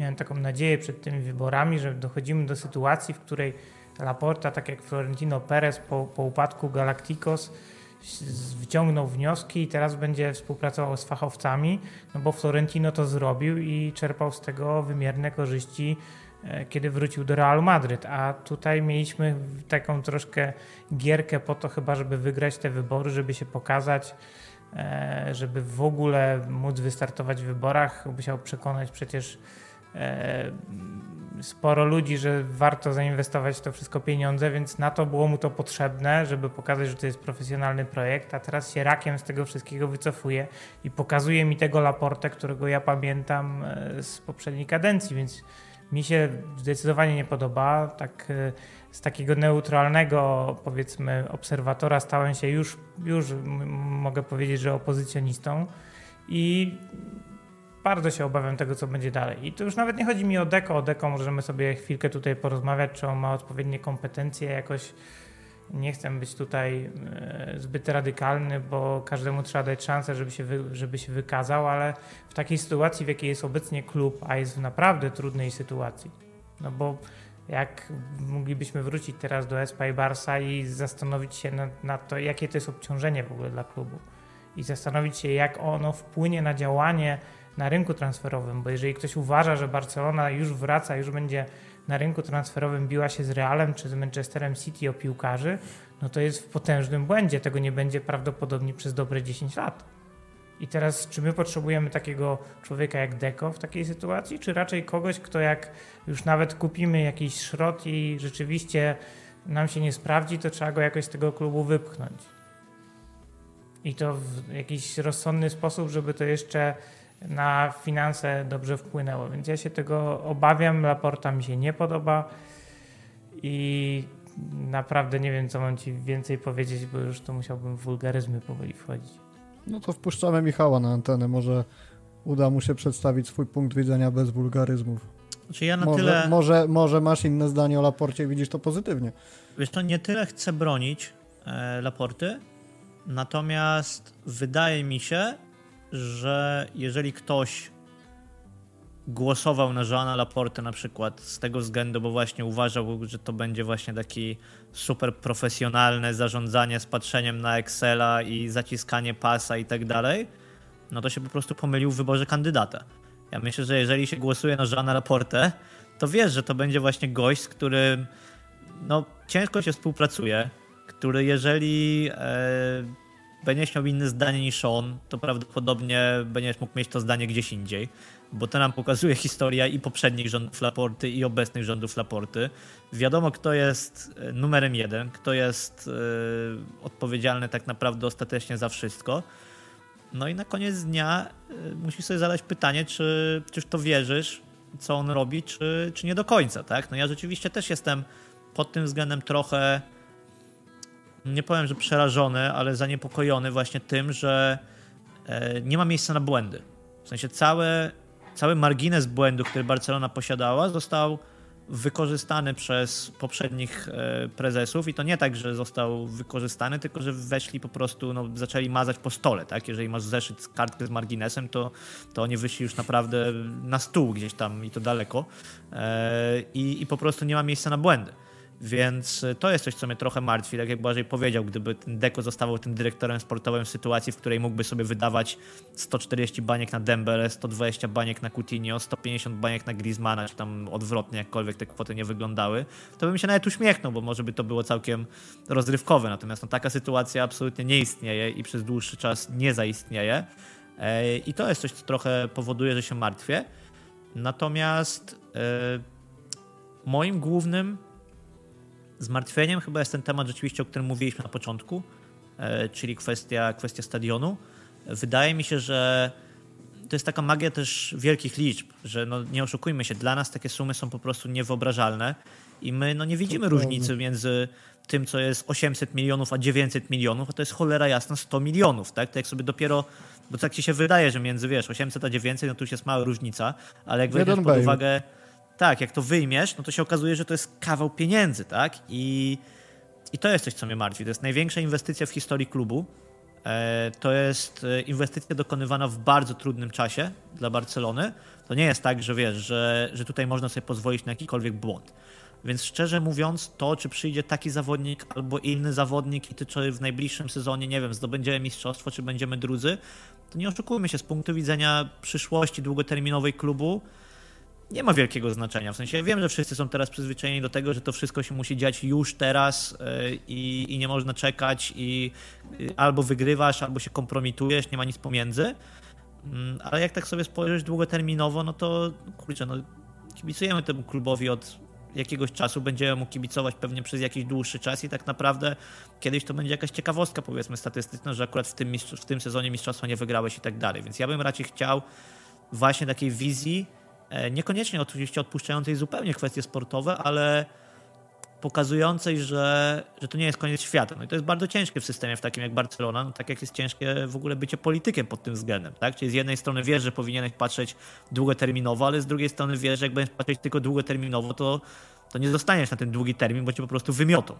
E, krótkoterminowo, tak? I, I wydaje mi się, że ten balans jest ciężki do, do znalezienia. Środowisko barcelońskie jest pod tym względem niesamowicie toksyczne i, wy, i wyniszczające. Jak sobie spojrzymy właśnie dla porównania na Real Madrid i widzimy, że Florentino Perez to ostatni raz musiał wybory wygrać z jakimkolwiek kandydatem w 2001 roku bodajże, ile się nie mylę. Ponad 20 lat, tak? On chyba 4 czy 5 ostatnich lat, razy z rzędu tak ukształtował e, statut klubu rękami Socios, że nie musi się bać żadnej konkurencji. A w Barcelonie mamy bardzo rzadko sytuację, że jakikolwiek prezes w ogóle kończy kadencję tak, w normalny sposób, bo zaczynają się wota nieufności albo zaczynaje się wrzucenie kogoś do aresztu tymczasowego e, i tak dalej, więc myślę, że to jest e, coś, co bardzo dobrze pokazuje różnicę między tymi klubami i, i tu zawsze będą wątpliwości. Tu tak naprawdę zawsze dowiadujesz się, że w klubie jest ktoś taki jak Carles Tusquets, przed chwilą go nie znałeś, a dwa dni później tak, znasz całą jego biografię. Ale to są, wiesz, to są wady i zalety tak naprawdę demokracji, tak? Z jednej strony fajnie, że ta demokracja jest i to jest bardzo fajna wartość i tak dalej, ale w praktyce widzisz, że to niekoniecznie jest najbardziej efektywny system do zarządzania klubem sportowym, tak? No bo nie oszukujmy Zwłaszcza się, że tak nie jest. Na przykład, no nie oszukujmy się, że niestety, niestety tak to nie wygląda, więc yy, ja oczywiście oceniam powiedzmy to negatywnie właśnie pod tym względem, że no, czy wolałbym, żeby Ferran Everter był dalej w klubie? Wolałbym. Czy wolałbym, żeby Mateo Alemanie był dalej w klubie? Wolałbym. Czy wolałbym, żeby mieli większe możliwości decyzyjne? Wolałbym, ale jednocześnie e, ja w wyborach na prezesa no, głosuję na Joana Laporte. Tak naprawdę. I, I trochę się tego trzymam, tak? To znaczy nie robię tego po to, żeby potem kwestionować każdą jego możliwą decyzję, tak? Zwłaszcza, że tak naprawdę pewnie dość mało wiemy o tych kulisach funkcjonowania klubu. A pojawiło się też ciekawe pytanie, E, co by było w sytuacji, w tej alternatywnej znowu rzeczywistości, gdyby to Wiktor Font wygrał wybory i wiem, że Błażej powiedział o tym, że no, nie znamy tak naprawdę ewentualnych skutków takiej decyzji, ale gdybyśmy mieli sobie tak krótko hipotetyzować, jesteście w stanie powiedzieć, żeby, jakby to wyglądało, czy, czy podobnie, czy, czy jakoś diametralnie inaczej, na przykład lepiej albo gorzej? Zupełnie ja z tego inaczej. co pamiętam, nie byłoby Superligi, tak mi się wydaje. Wydaje mi się, nie wiem czy byłoby podpisanie, no bo jeżeli spojrzymy sobie na te kamienie milowe e, kadencji Laporty, e, tak naprawdę pierwsza kluczowa decyzja przychodzi w lato, e, od razu, po kilku miesiącach. I to jest pytanie, czy ulegasz szantażowi Javiera Tebasa, podpisujesz CVC, rezygnujesz z Superligi i zatrzymujesz Leo Messiego. I wydaje mi się, że Joan A to Laporta... miał rewerters swoją drogą. Tak, ale wydaje mi się, że Joan Laporta był jedynym prezesem, który, miał na ty, który miałby na tyle silną pozycję, że mógłby sobie na coś takiego pozwolić. Przypomnijmy sobie, że na przykład Messi chciał odejść z Barcelony sezon wcześniej. I Bartomeu był tak przerażony tą perspektywą, że go nie wypuścił, choćby miałby się z nim sądzić. Mhm. A Jean Laporta zrobił to w sytuacji, w której Messi chciał zostać w klubie. Myślę, że gdyby Victor Font był prezesem, to Leo Messi dalej byłby w klubie, Barcelona podpisałaby z TVC, zrezygnowałaby dawno z Superligi. Nie wiem, jakby wyglądało to w praktyce. Nie sądzę, że pojawiłby się temat dźwigni finansowych. E, myślę, że oglądalibyśmy zupełnie, zupełnie inną Barcelonę. Nie wiem, czy lepszą. Szczerze mówiąc, ciężko mi, ciężko mi powiedzieć, czy lepszą, ale wydaje mi się, że no pozycja jednak, wiesz, takiego człowieka, który wchodzi ci zupełnie z zewnątrz i jednak nie ma tego autorytetu i na każdym kroku może być kwestionowany, E, wbrew pozorom może utrudniać podejmowanie niepopularnych decyzji, bo Laporte podejmuje niepopularne decyzje. No, pożegnanie się z Leo Messi to jest najbardziej niepopularna decyzja, jaką ja sobie mogę w stanie wyobrazić do podjęcia jako prezes Barcelony. Naprawdę. I to, I to dodając do tego całą tą historię, że w zasadzie miał już podpisać, a decyzja była z dnia na dzień, nie? Bo co innego jakby przygotowywał wszystkich na to, a nie na zasadzie Messi wraca z Ibizy z długopisem w ręku, żeby podpisać umowę i nagle się okazuje, że no jednak podpiszesz umowę, ale nie tutaj, nie w tym mieście. Więc wiesz, więc ja tylko kończąc właśnie mam trochę takie wrażenie, że, że się takie przyjęło ostatnio podejście, że no tak, że no fond to technokrata, więc on by tutaj ciął te wydatki i to byłoby bardzo dużo bardziej zdrowo zarządzane i tak dalej, i tak dalej. Ale wydaje mi się, że wcale nie byłoby tym tak prosto, żeby te decyzje niepopularne podejmować i że e, szybko pojawiłaby się opozycja, być może ze strony samego Laporty na przykład, e, że e, media zrobiłyby tutaj też swoje i zastanawiam się na ile byłby on bardziej podatny na wpływy właśnie z zewnątrz, różne presje, jeżeli chodzi o kwestie polityczne, o kwestie medialne, presje, jeżeli chodzi o zawodników e, i tak dalej, i tak dalej. E, bo, bo to jest coś, nad czym się, nad czym się głównie zastanawiam. No to na pewno nie jest tego, tego kalibru prezes. To widać było po jego wypowiedziach. To nie jest tego typu człowiek. On w zasadzie by się troszkę wpisywał w taką nową, e, w nową kategorię polityków, e, zwłaszcza powiedzmy w Skandynawii, którzy się pojawiają, takich, którzy bazują na tym, że otaczamy się ludźmi i działamy wspólnie, wszystko się jakoś rozmywa, ale kiedy klub jest w kryzysie, to nie ma działania wspólnego, bo to ty ostatecznie ponosisz odpowiedzialność za to, jaką podjąłeś decyzję. To nie jest działanie kolektywne. I tutaj faktycznie Laporta był jedynym rozsądnym wyborem w momencie, w którym trzeba było decydować, kto przez ten trudny okres Barcelonę przeprowadzi. Tutaj nie ma dyskusji nawet dla mnie, bo jeżeli ktoś uważa, że fond byłby lepszy, no to to jest trochę naiwny, bo to nie jest moment na to, żeby się uczyć bycia prezesem, a on by się tego tak naprawdę uczył. Inna sprawa to jest to, co teraz robi Laporta, bo jak się cofniemy 6 lat, zobaczymy, co robił Florentino Perez przez 6 lat. Co się wydarzyło? No bo wydarzyło się mnóstwo rzeczy. Kiedy Barcelona chciała realizować projekt Normana Fostera, no to mieliśmy kryzys finansowy e, potężny, tak, bo okazało się, że jednak obligacje zabezpieczone długiem to nie jest najlepsze rozwiązanie. Później mieliśmy okres stabilizacji, był czas, żeby ruszyć z, z projektem i Florentino Perez to wykorzystał, ale jak on to wykorzystał? Nie wydawał pieniędzy. Przez sześć ostatnich sezonów jakbyśmy zsumowali wszystkie wydatki Realu Madryt, to on był na plus, a mimo to zdobywał Ligę Mistrzów. To jest podejście zupełnie, zupełnie inne. Ja mam jakieś ramy mojego działania. Mnie oczywiście sukces sportowy interesuje.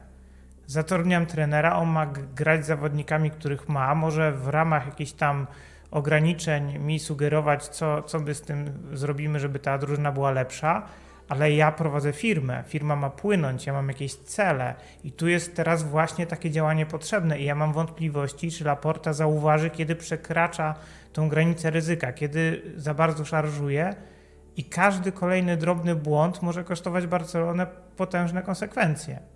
Potężne. Takie, że faktycznie będzie trzeba nagle zmienić e, strukturę własnościową klubu i to łatwo powiedzieć. Ja na przykład jestem zwolennikiem takiego wydarzenia, oczywiście nie 51-49, bo to byłoby w zasadzie oddanie e, w ręce inwestora klubu, ale w jakimś tam mniejszym udziale wolałbym mieć inwestora w klubie, choćby po to, żeby w jakikolwiek sposób mógł na prezesa klubu oddziaływać.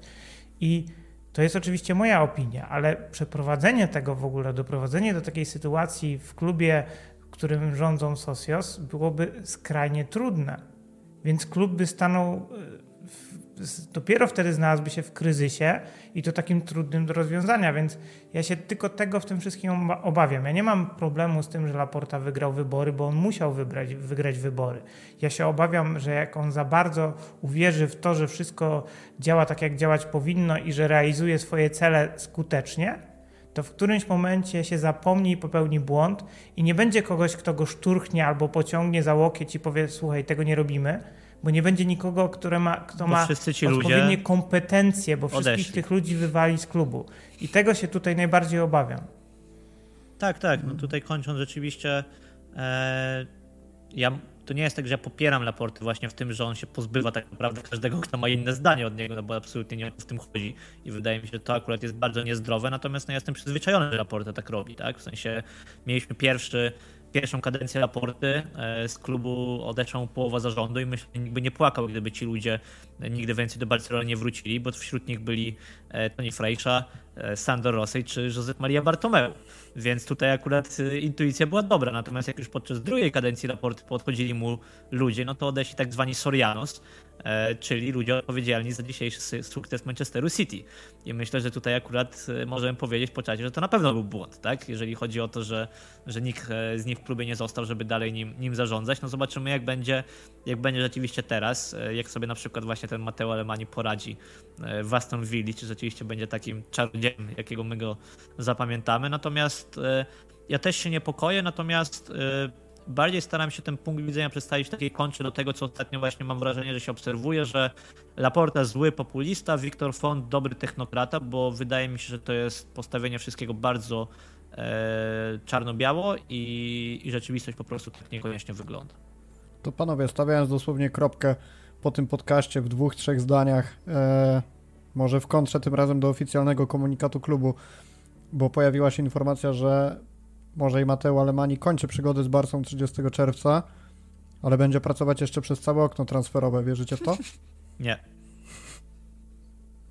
Nawet krócej niż 2-3 zdania. Błażej?